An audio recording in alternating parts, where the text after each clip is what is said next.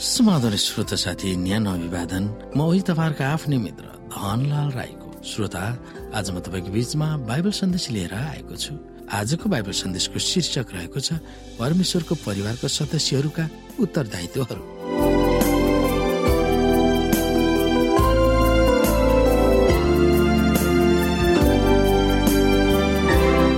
श्रोता साथी हामीले पाएका आत्मिक र अस्थायी भौतिक आशिषहरू र दक्षता तथा खुबीहरूप्रति हामी सबैजना आनन्दित हुन्छौँ र खुसी पनि छौँ। त्यसको साथै हामी परमेश्वरको परिवारका सदस्यहरू हौ भन्ने आत्मज्ञानले हामीलाई सान्त्वना मिलिरहेको हुन्छ। सोच साथी यस विषयमा हामीले विभिन्न पदहरू हेर्न सक्छौँ र ती पदहरूको अर्थ के हो र त्यसलाई हामीले कसरी व्यवहारमा उतार्दछौँ? आउनु श्रोता व्यवस्था छ अध्यायको पाँच हेरौँ। तिमीहरूले परमप्रभु आफ्ना परमेश्वरलाई आफ्नो सारा हृदयले आफ्नो सारा प्राणले र आफ्नो सारा शक्तिले प्रेम गर। यसै गरी मत्तीको पुस्तकमा भनिएको छ बाइस अध्यायको सैतिसदेखि चालिसमा र यसुले तिनलाई भन्नुभयो तिमीले परमप्रभु आफ्ना परमेश्वरलाई आफ्नो सारा हृदयले र आफ्नो सारा प्राणले र आफ्नो सारा समझले प्रेम गर्नु। महान र प्रथम आज्ञा पनि यही हो। दोस्रो पनि यस्तै छ तिमीहरूले आफ्नो छिमेकीलाई आफैलाई जस्तै प्रेम गर्नु सारा व्यवस्था र अगमबुक्तारका शिक्षाको आधार नै यी दुई आज्ञाहरू हुन्। यथार्थमा भनियो भने परमेश्वरलाई सारा हृदयले र आफ्नो सारा प्राणले र आफ्नो सारा समाजले कसरी प्रेम गर्ने? यो रोचक पनि छ कि त्यसको जवाब हामीलाई बाइबलले नै दिँदछ। यसमा दिएको जवाब त मानिसले अपेक्षा गरेको अनुसार नभएको भने पनि हुन्छ। बाइबलको अनुसार स्वर्गमा हुनुहुने परमेश्वर पितासँग हाम्रो प्रेम सम्बन्ध हुनुपर्दछ। तर त्यो प्रेम हामीले कसरी उचित तवरले गर्ने?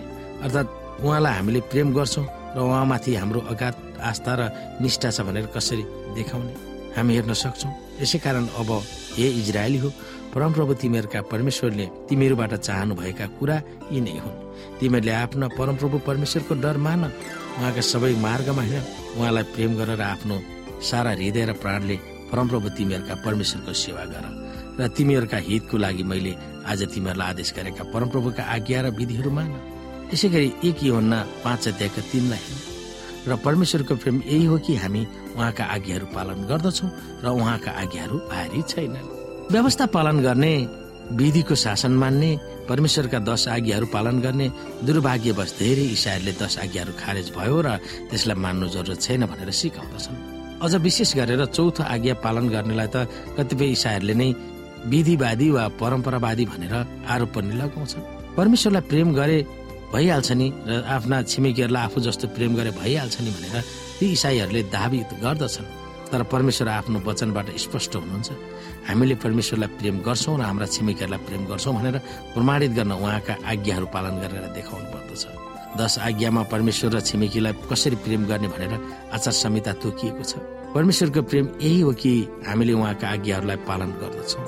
हामीले परमेश्वरलाई प्रेम गरेकै कारणले हामी उहाँका आज्ञाहरूलाई सिरोपर गरेर चल्दछौँ। जब हामी उहाँका आज्ञाहरू पालन गर्छौँ तब हामीले परमेश्वरको प्रेमलाई अनुभव गर्न सक्दछौँ। यहाँ मत्ती सात अध्यायको एक्काइसदेखि सत्ताइसमा यसुले बुद्धिमान र मूर्ख मानिसले घर बनाएको अर्थी कथा भन्नुभएको थियो।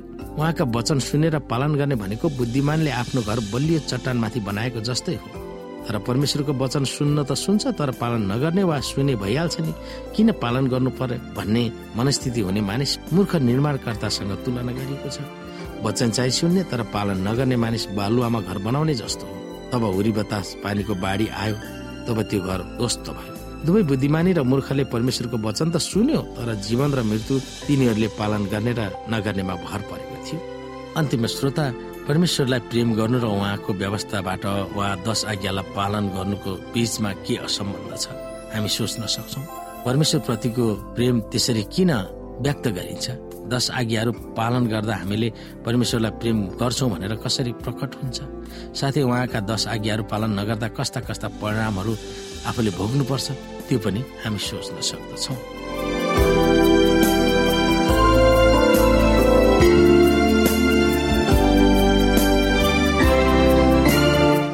श्रोता साथी आजको लागि बाइबल सन्देश यति नै। हस्त नमस्ते जय मसिंह।